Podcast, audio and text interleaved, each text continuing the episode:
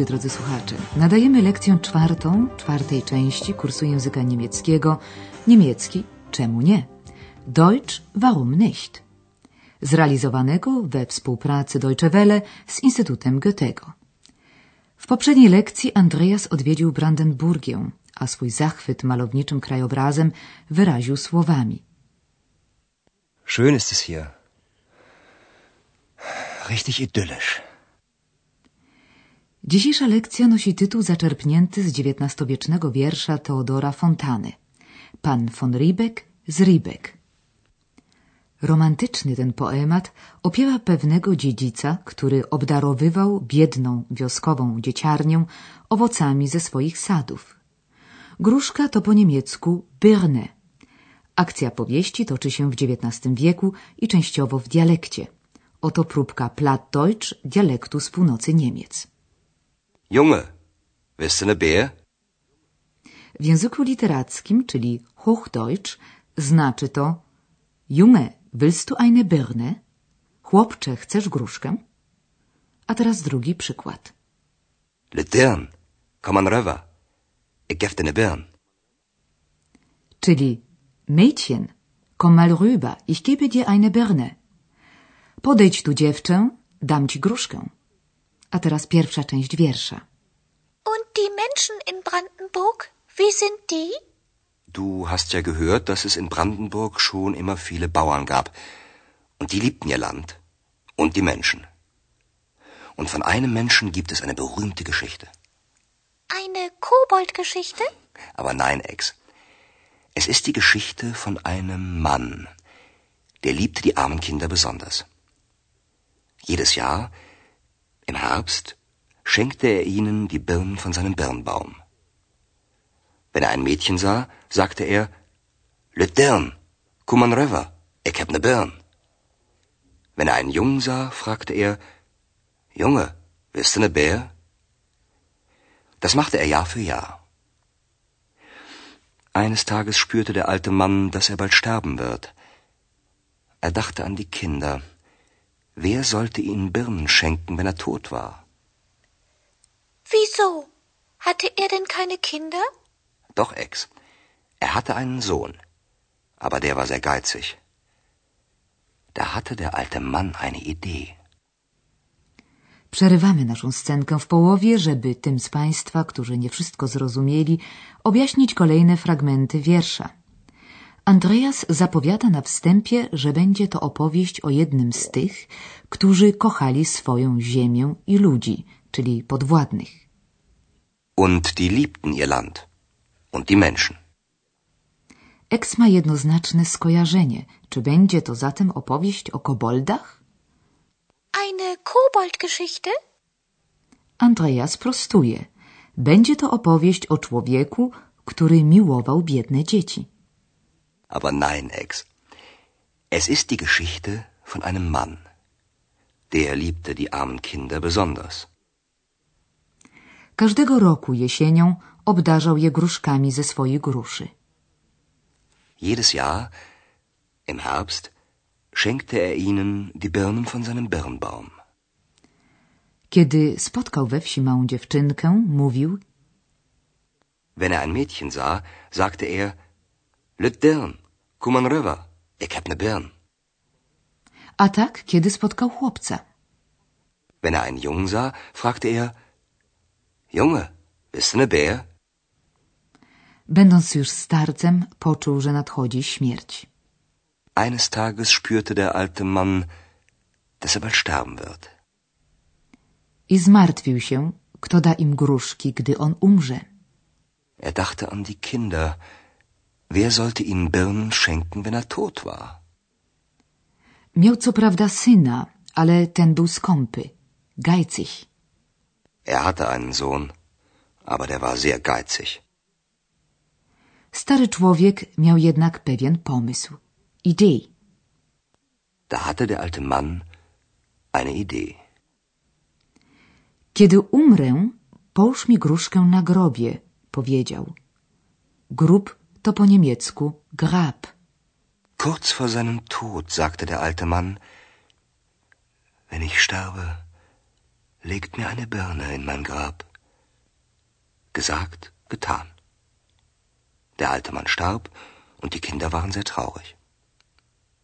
Niemand schenkte ihnen mehr eine Birne. Plötzlich, nach drei Jahren, sah man einen kleinen Zweig über dem Grab. Und nach vielen, vielen Jahren wuchs ein wunderschöner großer Birnbaum über dem Grab. Wenn ein Junge vorbeikommt, so flüstert der Birnbaum, Junge, bist du ne Bär? Wenn ein Mädchen vorbeikommt, so flüstert der Baum, Le Tern, Kuman River, ich gef ne Birn. Ist das wahr? Das ist ein Gedicht, Ex. Und eine wahre Geschichte. Pomysł był zatem bardzo prosty, ale jakże skuteczny. Z nasion dojrzałej gruszki położonej na świeżym grobie wyrosła po latach dorodna grusza. Prześledźmy ten fortel od początku. Połóż mi gruszkę na grobie, powiedział pan von Riebeck do syna. Wenn ich sterbe, legt mir eine Birne in mein Grab. Jego życzeniu stało się zadość. Gesagt, getan. Stary człowiek umarł i dzieci były bardzo smutne. Der alte Mann starb und die Kinder waren sehr traurig. Nagle po trzech latach nad grobem ujrzano młodą gałązkę. Plötzlich, nach drei Jahren, sah man einen kleinen Zweig über dem Grab. z której po latach wyrosła dorodna grusza. Und nach vielen, vielen Jahren wuchs ein wunderschöner großer Birnbaum über dem Grab. Kiedy obok drzewa przychodziły dzieci, grusza szeleściła liśćmi te słowa. Wenn ein Junge vorbeikommt, so flüstert der Birnbaum, Junge, bist du ne Bär? Wenn ein Mädchen vorbeikommt, so flüstert der Baum, Le Dirn, Kuman River, ich Eksowi spodobała się ta opowieść, ale nie wie, czy może w nią wierzyć. Ist das wahr? Das ist ein Gedicht, Ex. Und eine wahre Geschichte. Chociaż to tylko wiersz, gedicht, ta historia jest prawdziwa, zapewnia skrzata Andreas. A teraz kilka słów gramatyki.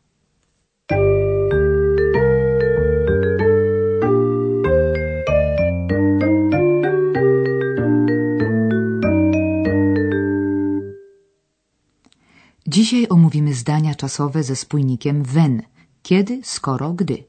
Oto przykład.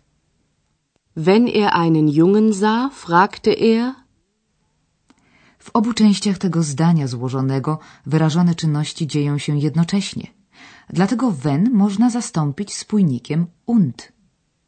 Er sah einen Jungen und fragte ihn, W zdaniu czasowym, jak w każdym niemieckim zdaniu podrzędnie złożonym, orzeczenie znajduje się na końcu zdania. W czasie przeszłym preteritum wenn używa się tylko wtedy, gdy czynność często się powtarzała. wenn er einen Jungen sah, fragte er, wenn er ein Mädchen sah, fragte er,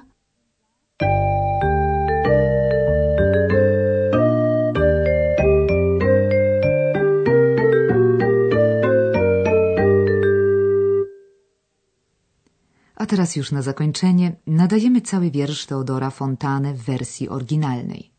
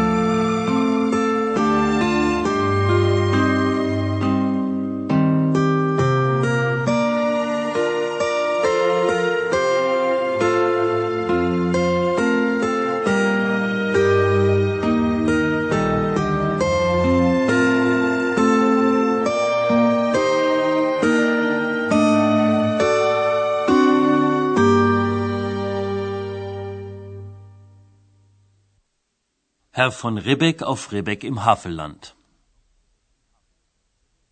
Herr von Ribbeck auf Ribbeck im Havelland, ein Birnbaum in seinem Garten stand. Und kam die goldene Herbsteszeit, und die Birnen leuchteten weit und breit, da stopfte, wenn's Mittag vom Turme scholl, der von Ribbeck sich beide Taschen voll. Und kam in Pantinen ein Junge daher, so rief er, Junge, bist du ne Bär? Und kam ein Mädel, so rief er, Litern, komm an rüber, ich hab ne Bären. So ging es viel Jahre, bis Lobesam, der von Ribbeck auf Ribbeck zu sterben kam. Er fühlte sein Ende.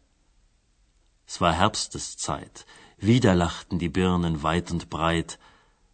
Da sagte von Ribbeck, ich scheide nun ab, legt mir eine Birne mit ins Grab und drei Tage drauf aus dem Doppeldachhaus trugen von Ribbeck sie hinaus. Alle Bauern und Büdner mit Feiergesicht sangen Jesus meine Zuversicht. Und die Kinder klagten, das Herze schwer. He is tot nu.